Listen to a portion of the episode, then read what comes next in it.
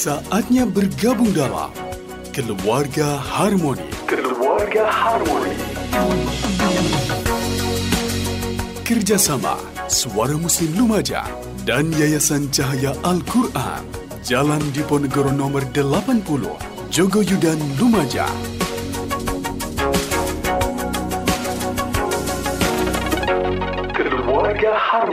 Bismillahirrohmanirrohim Assalamualaikum warahmatullahi wabarakatuh. 89,9 Suara Muslim Lumajang. Mitra Muslim bagaimana kabar Anda di awal pekan saya ya?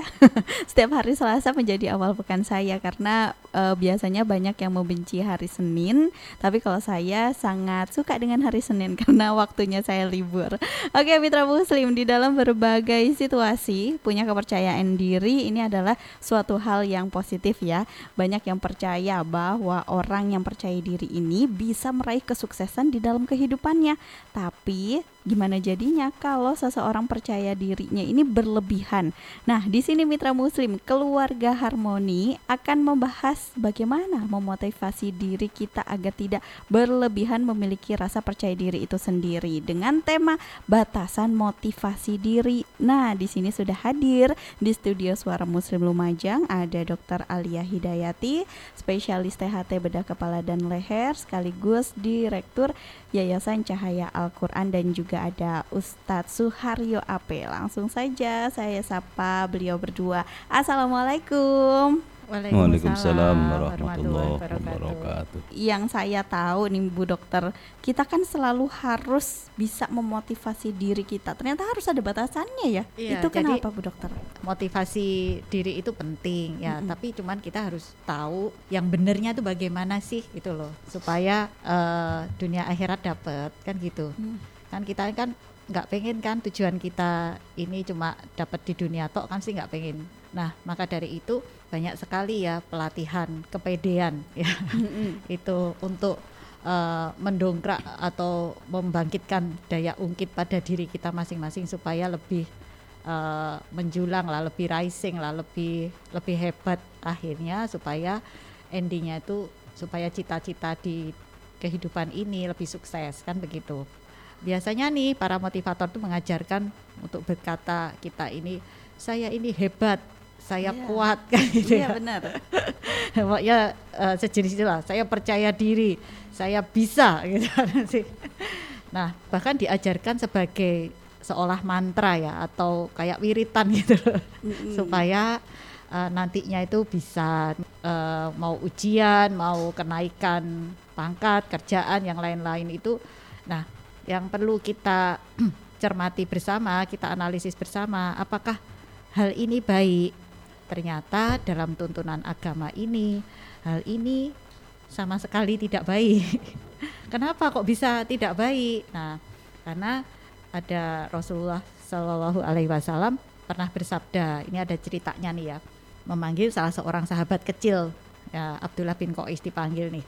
"Eh, maukah kamu tunjukkan satu simpanan dari berbagai simpanan surga? Nah, ini simpanan bukan sembarang simpanan nih, bukan sekedar harta karun atau harta pusaka nih, tapi simpanan surga ya. Tentu sahabat beliau yang masih kecil ini ya tentu menjawab oke lah kalau begitu ya kan di, yang mau ditunjukin simpanan surga ya Eh, kemudian Rasulullah SAW menjawab "Eh, simpanan surga salah satu simpanan surga yang berharga ini adalah la haula wala quwata illa billah nah kita poin diskusinya pada kalimat ini nah salah satu ulama besar Imam Nawawi rahimah rahimahullah itu berkata kalimat la haula wala quwata illa billah itu bukan sembarang kalimat loh ya. Ini kalimat yang betul-betul ajaib karena kalimat yang mengandung kepatuhan, pasrah dari diri kita sekuat apa pun kita, sehebat apa pun kita ya, sekaya apa pun, sepunya kedudukan apa pun itu pasrah, tunduk, patuh, taat hanya kepada Allah semata. Jadi kita akan mengakui kehebatan Allah itu yang membuat kita hebat kehebatan Allah yang membuat kita ini bisa dapat atau tidak dapat terhadap sesuatu, bisa sukses atau tidak sukses itu karena semua la haula wala quwata billah itu. Jadi seorang manusia itu tidak punya urusan sedikit pun untuk apa namanya punya daya tolak terhadap keburukan ataupun daya tarik terhadap kesuksesan itu sebenarnya kita nggak. Cuman ini beda dengan ikhtiar loh ya. Ikhtiar tetap. Cuman jangan sampai ikhtiar kita ini sampai bikin kita menepuk dada menyombongkan diri bahwa kalau tanpa kerja keras kita ini semua nggak ada artinya gitu loh maksudnya begitu. Mm-mm. tapi ikhtiar maksimal jelas lah. Jadi kalimat afirmasi atau wirid atau mantra tadi yang kita selalu mengatakan aku kuat, aku hebat, tidak ada aku ini bergantung pada siapa pun kecuali diriku sendiri karena aku ini bla bla bla ya, kayak gitu ya. Itu hati-hati jangan sampai ini membuat kita berlaku syirik tanpa kita sadari, berlaku kita lebih hebat lah dari yang maha kuasa. Intinya di situ.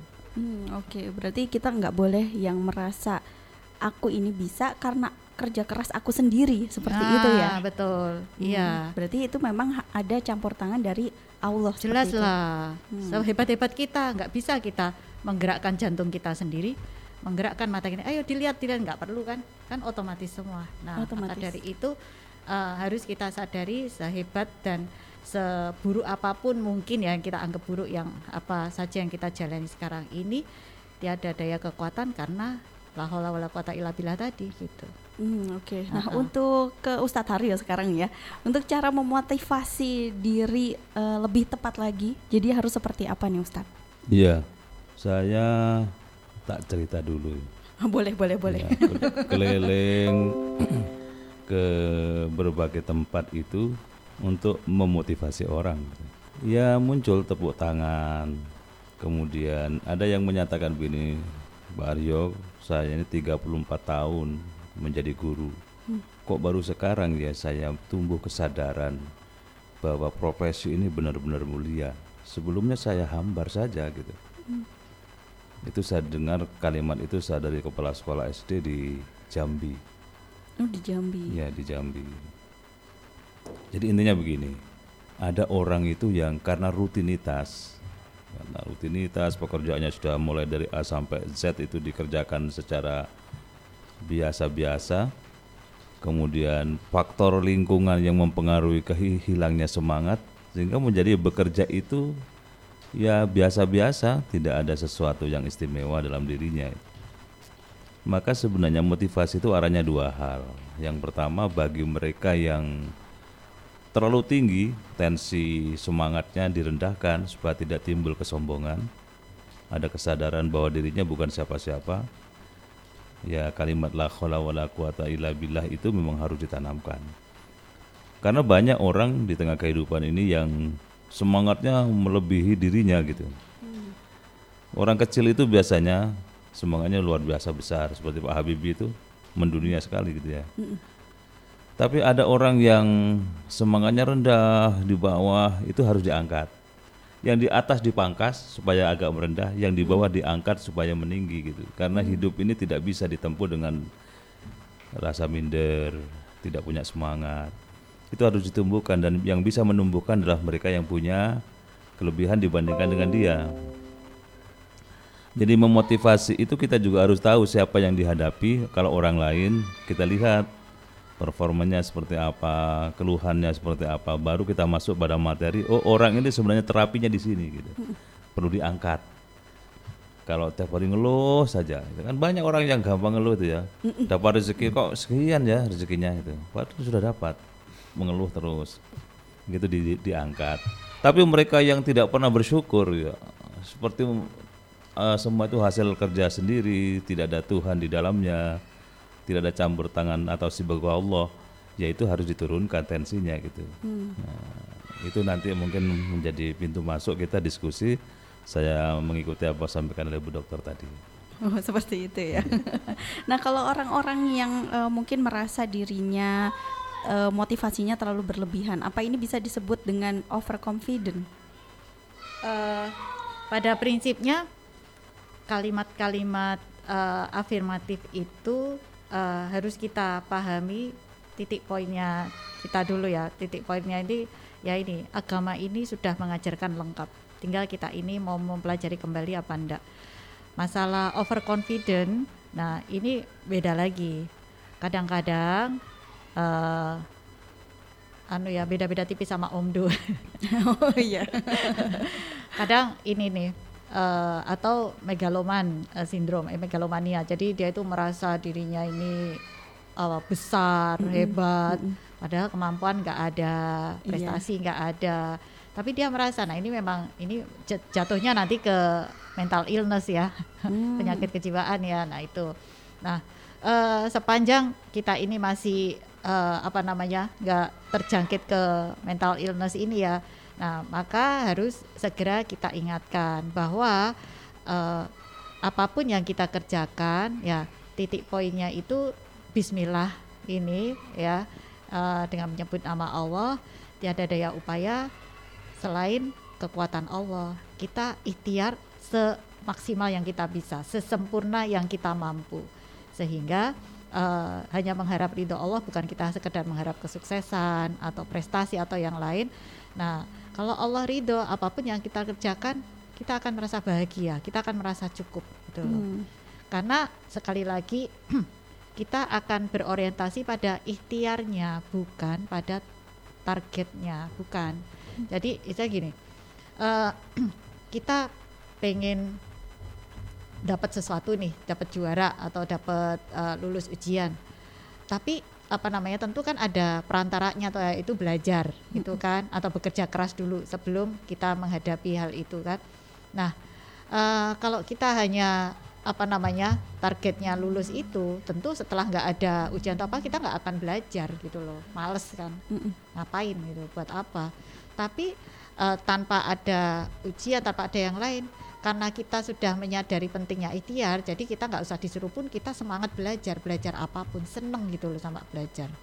Nah intinya di situ.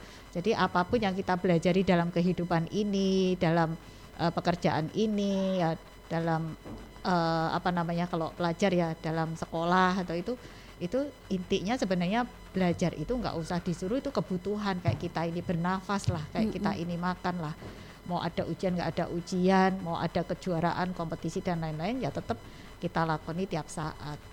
Jadi intinya di belajarnya bukan di prestasinya. Adapun prestasi atau apa itu bonus lah. Hmm. gitu. Jadi akhirnya kita juga hormat pada diri kita sendiri. Karena eh, dengan sebab kita ini mencintai yang eh, ikhtiar yang kita ini karena kita paham bahwa apa namanya eh, kita hebat kita nggak hebat itu semua sudah karena Allah Taala. Nah itu akhirnya kita ini akan lebih nerimo ya. Kalaupun kita menang kita nggak akan terlalu euforia. Kalaupun kita belum berhasil kita juga nggak akan ngenes depresi Iya. apa tentamen suicide bahkan nah gitu loh maksudnya Oke, nanti kita lanjutkan lagi ya Bu Dokter ya ngobrol-ngobrolnya. Dan di sini Mitra Muslim boleh bergabung juga kok di 0811 3400 899.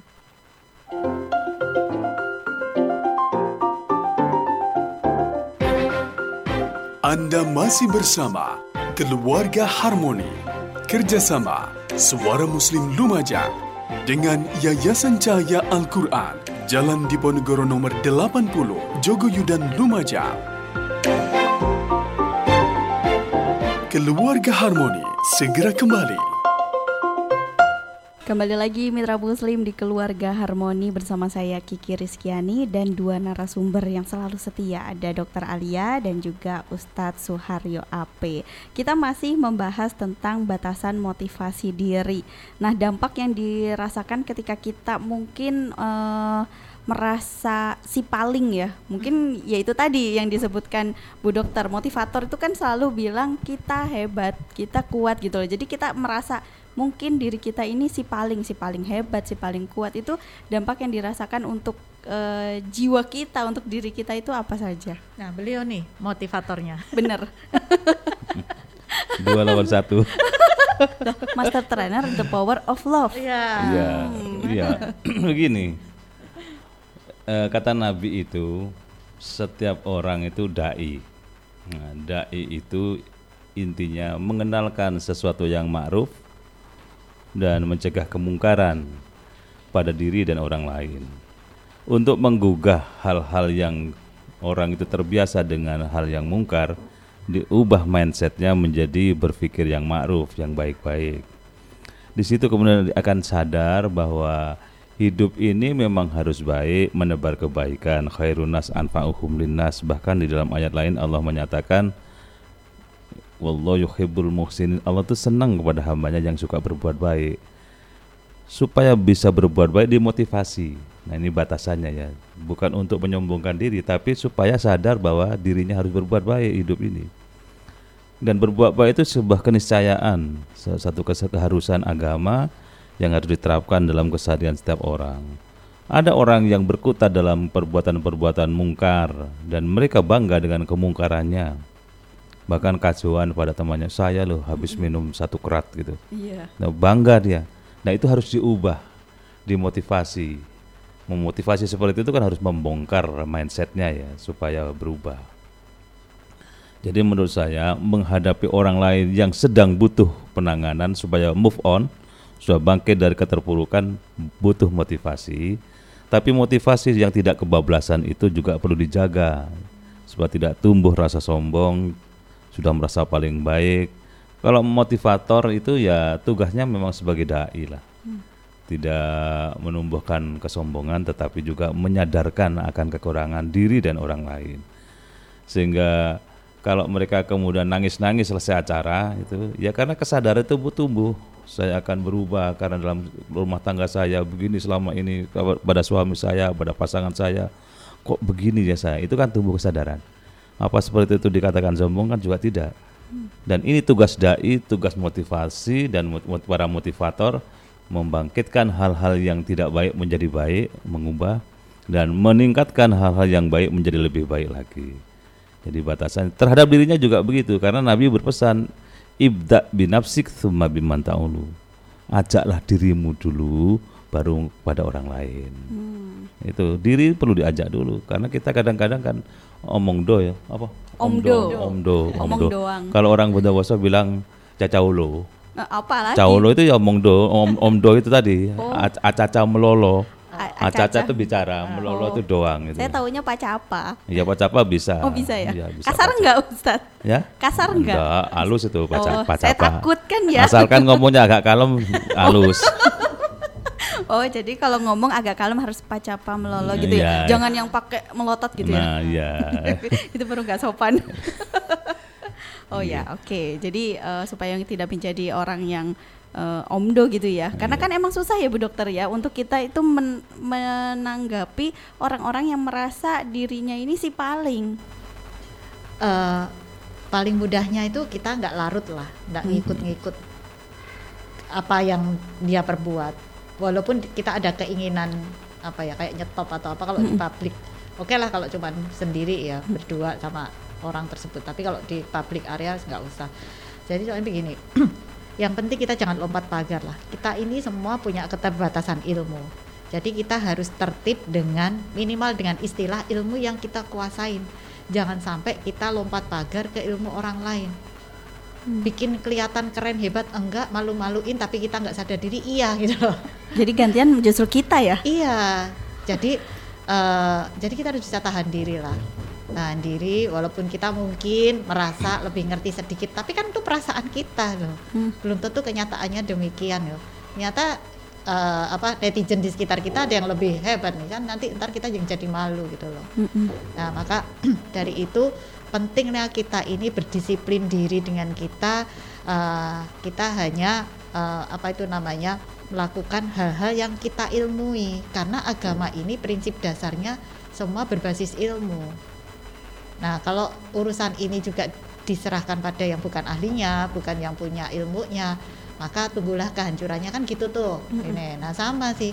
Kita jangan jangan mengomentari segala macam hal seolah kita ini paling ngerti lah gitu.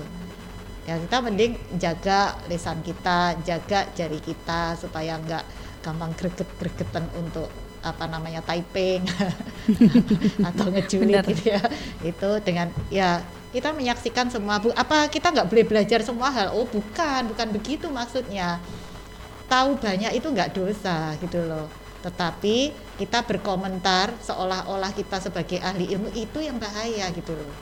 Maksudnya begitu Oke, di sini kita bacakan WA dulu yang sudah masuk ya. Ada Bu Risa.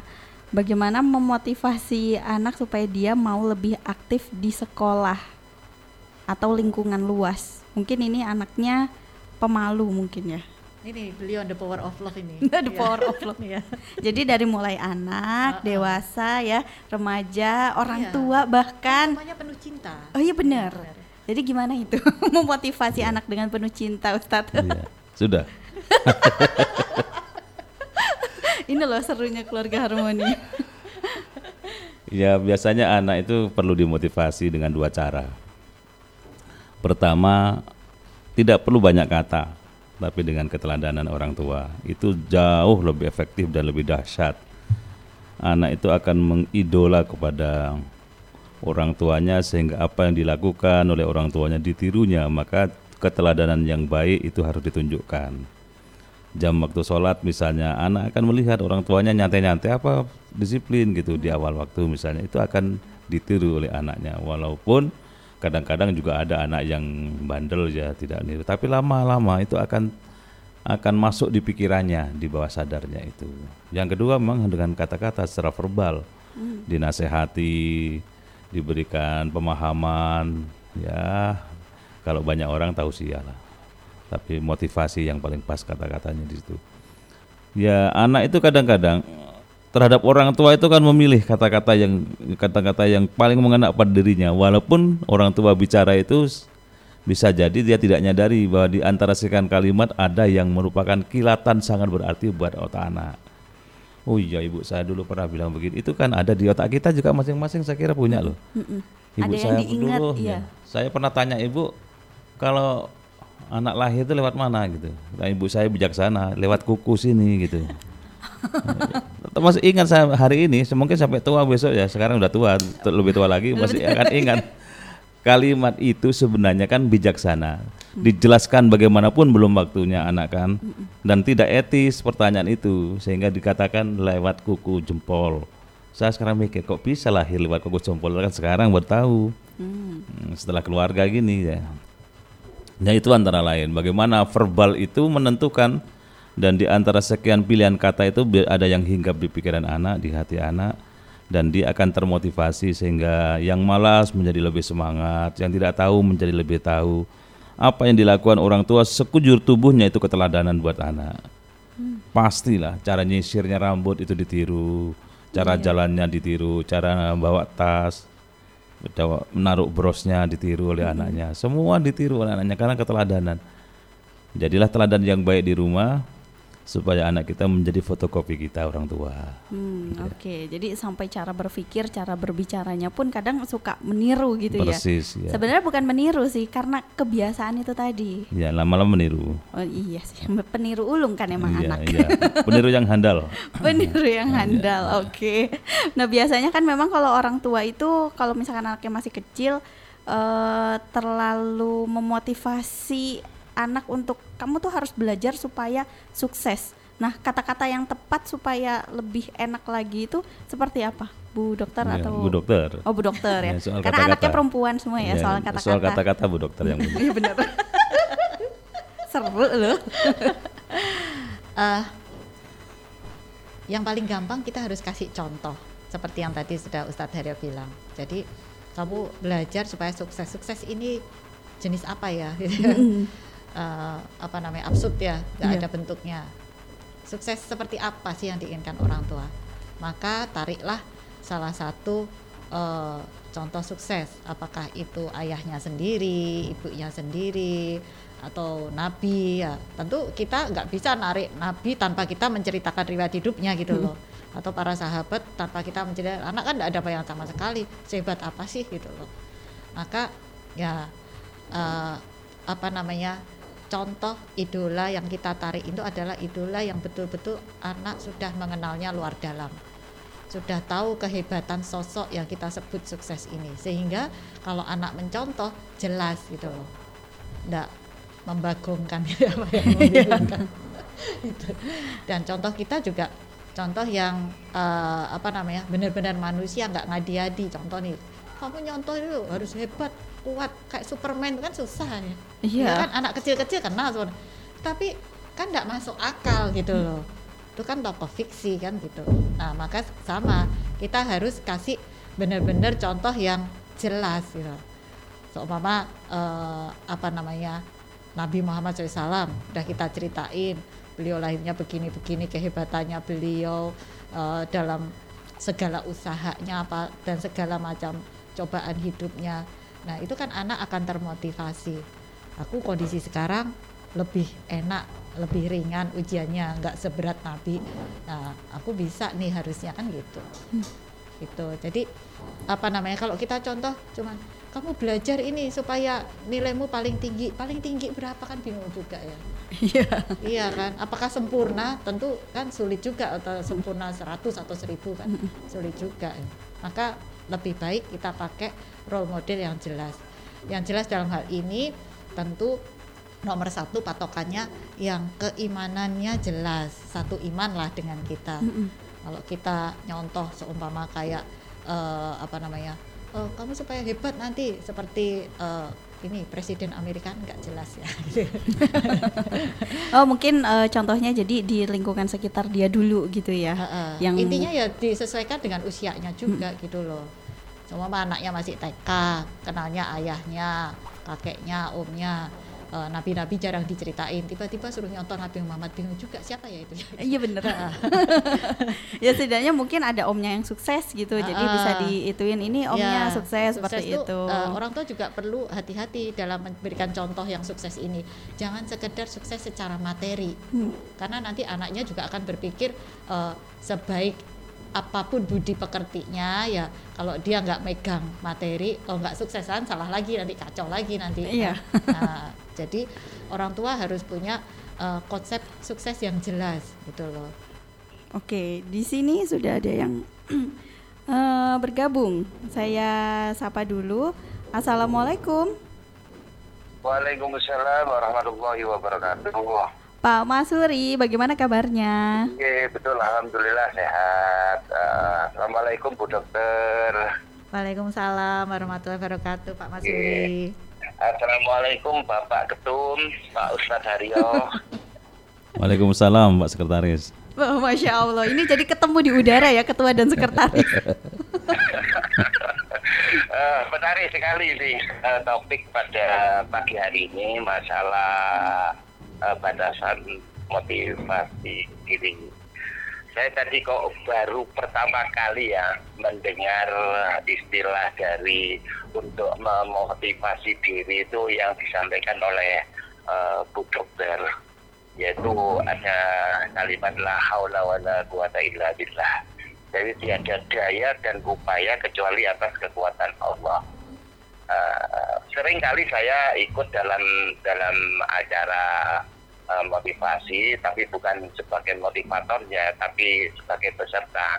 Memang banyak disinggung bahwa uh, untuk memotivasi diri itu uh, banyak disampaikan ini loh saya, ini loh aku gitu. Tapi baru baru kali ini saya mendengar bahwa untuk memotivasi diri itu ada kalimat la haula wala quwata illa billah. Uh, kalau menurut menurut saya pribadi Bu Dokter bahwa uh, kalimat itu memang memang istilahnya kalau menurut saya ini sepengetahuan saya itu hanya pasrah pasrah kepada Allah. Uh, cuma uh, kalau untuk memotivasi diri ya memang kita harus berikhtiar. Apa pun hasilnya kita serahkan kepada Allah Subhanahu wa taala. Yang penting seperti seperti yang disampaikan oleh Bu Dokter tadi bahwa kita menempatkan diri. Oh inilah uh, seorang Masuri, ini seorang dokter, ini seorang uh, Ustadz Haryo gitu. Jadi seperti yang Bu Dokter bilang tadi tidak boleh melompat pagar. Oke saya setuju. Uh, harus harus harus tahu diri lah. Oh ya kapasitasnya seorang Masuri ini sebagai apa gitu. Uh, kembali lagi kepada uh, motivasi diri tadi. Uh, saya uh, sekali lagi uh, berpendapat bahwa untuk kalimat la haula wala quwata illa billah itu uh, kalau menurut sepengetahuan saya adalah penyerahan diri kepada Allah. Namun kita tidak boleh uh, meninggalkan apa yang dinamakan dengan uh, usaha dan ikhtiar. Gitu aja Bu Dokter, terima kasih. Assalamualaikum warahmatullahi wabarakatuh. Waalaikumsalam warahmatullahi Waalaikumsalam wabarakatuh. warahmatullahi wabarakatuh. Terima kasih Bapak Mas Huri. Nanti akan ditanggapi setelah jeda pariwara ya, Ustadz dan juga Bu Dokter karena memang sudah waktunya kita untuk jeda. Tetaplah di keluarga harmoni.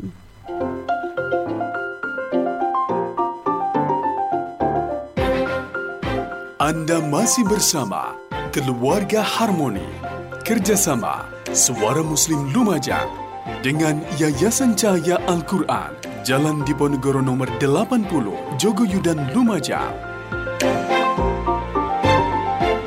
Keluarga Harmoni segera kembali Terima kasih Bapak Mas Huri yang tadi sudah berkomentar di jalur telepon ya. Mungkin langsung bisa dikomentari oleh Ustadz Suharyo ataupun juga Bu Dokter. Ustadz Haryodo. Ustadz Haryo ya, berarti ketua sama sekretaris nih. Iya, karena yang disoroti tadi kan pendapatnya Bu Dokter. Iya. Jadi kurang pas kalau saya yang jawab. Oh gitu. Jadi Iya. ini lompat-lompat atau lempar-lempar atau atau gimana ini Bukan, ceritanya? Bukan, ini proporsional namanya. Oh gitu. Iya. Oke. Monggo Bu Dokter. Iya baik. Jadi eh, apa yang disampaikan Pak Mas Huri itu em, memang perlu kedalaman ilmu ya untuk memahami kalimat dari la haula wala quwata illa billah. Ini bukan kalimat sederhana. Ini kalimat dalam banget, luas sekali artinya dan bukan kalimat yang eh, pasrah. Ya wis lah, nompo lah wis. Apa jari Gusti Allah bukan itu. Bukan kita selalu mengucapkan la haula wala quwata illa billah itu uh, beriring sejalan dengan segala ikhtiar yang kita kerjakan. Gitu. Jadi ya kita mengerjakan apa pun itu uh, sudah kita niati, kita ucapkan bismillah sambil ya itu la haula wala quwata illa billah selalu membersamai. Jadi apa pun nanti yang jadi apa namanya yang jadi hak kita itu ya semua karena Allah yang tidak jadi hak it- kita itu juga karena Allah itu bukan karena kehebatan kita tetapi memang ikhtiar dan lain-lain itu uh, harus kita se- sesempurna mungkin dong mengerjakannya. Nah maka eh, artinya tuh la haula wala quwata illa billah itu benar-benar kita ini lagi ibarat kata ya lagi keren-kerennya lagi apa namanya powerful powerfulnya eh disuruh ngakuin ada daya yang lain nih yang lebih hebat bukan karena kita yang hebat gitu loh gimana coba perasaan kita ada kita udah paling kerennya nih udah paling hebat di atas hebatnya core of the core lah gitu. Nah eh ternyata suruh ngakuin kehebatan Allah gitu loh. Suka nggak suka mau nggak mau ikhlas nggak ikhlas saat itu juga kita harus ngaku. Itu kan kayak kayak kita suruh merunduk taat patuh lagi gitu. Itu kan nggak mudah itu kalau menurut saya. Ini Ustadz Haryo akan melengkapi. Wes. Iya, orang cerdas itu gampang memahami penjelasan, sehingga apa yang disampaikan Bu Dokter itu sudah sudah sangat lengkap dan berlebihan kalau masih ditambah lagi gitu. Masya Allah cerdasnya Ustadz Haryo ya Iya iya iya iya bener bener. cerdasnya Ustadz Haryo tuh loh saya saya sampai tercengang loh. Saya tuh menanti-nanti Heeh. sebenarnya jawabannya. Nah, beliau ini hebatnya nih ya merendah untuk meroket gitu loh beliau luar biasa nih saya itu sampai speechless loh iya kan gimana kita nggak speechless coba Gimana Ustadz Suharyo gak beliau jadi ketuanya ketua? kalau beliau itu yang cerdasnya ini ya kan beliau dong Iya, Ya saya kan? saya jadi Iya. berpikirnya ini arahnya ke mana Heeh, gitu ya. betul betul Gimana kalau itu jadi tema yang akan datang? Supaya lebih dalam lagi jadi tema yang akan datang gitu. Masya Allah. Tapi udah nggak kerasa sih sebenarnya ini udah jam Waktunya kan 11 sudah gitu. habis juga kan ini. ya. Iya. Iya ya, jadi biar nggak terlalu panjang, jadi em, eh, penjelasan dari Bu Dokter ya sudah lengkap gitu Iya, ya. betul. Oke, ya sudah. Sekarang berarti saya eh, tanyanya untuk di episode hari ini adakah pesan untuk mitra Muslim dari Ustaz Suharyo dulu? Oh gitu. Mm-mm. Ya itu kan tadi memotivasi diri. Kita butuh motivasi yang tidak berlebihan. Karena kadang-kadang kita juga seperti yang sampaikan Nabi, al imanu yazidu yang kusu, iman itu kadang naik, kadang turun. Semangat kita juga begitu, kadang naik, kadang turun. Di saat turun perlu ada yang membersamai untuk memberikan semangat.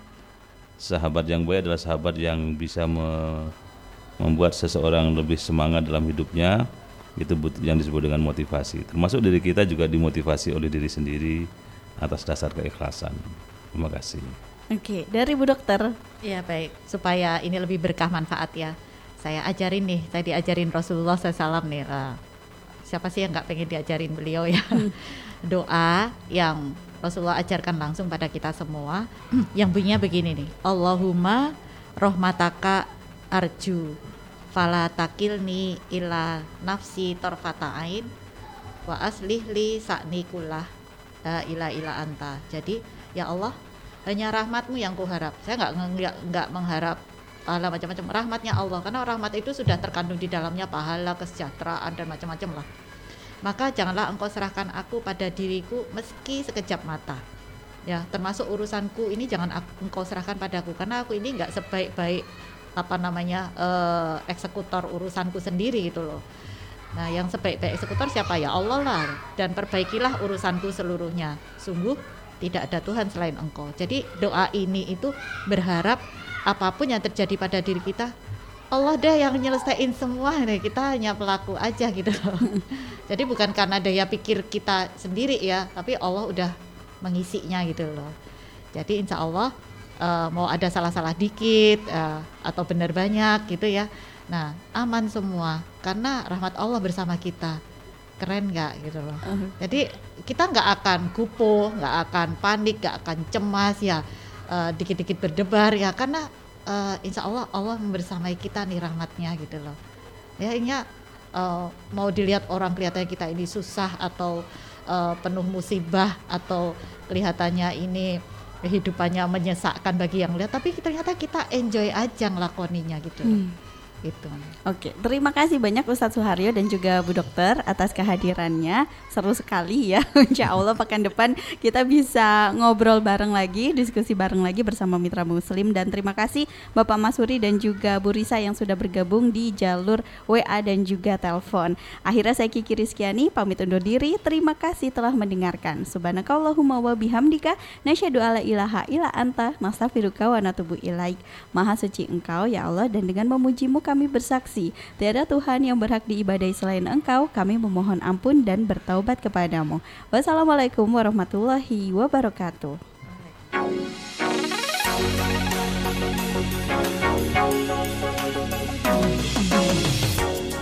Anda telah bersama Keluarga Harmoni. Keluarga Harmoni.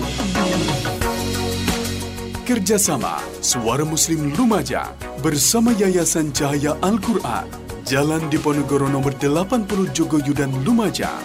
Terima kasih Anda telah mendengarkan. Sampai jumpa pekan mendatang.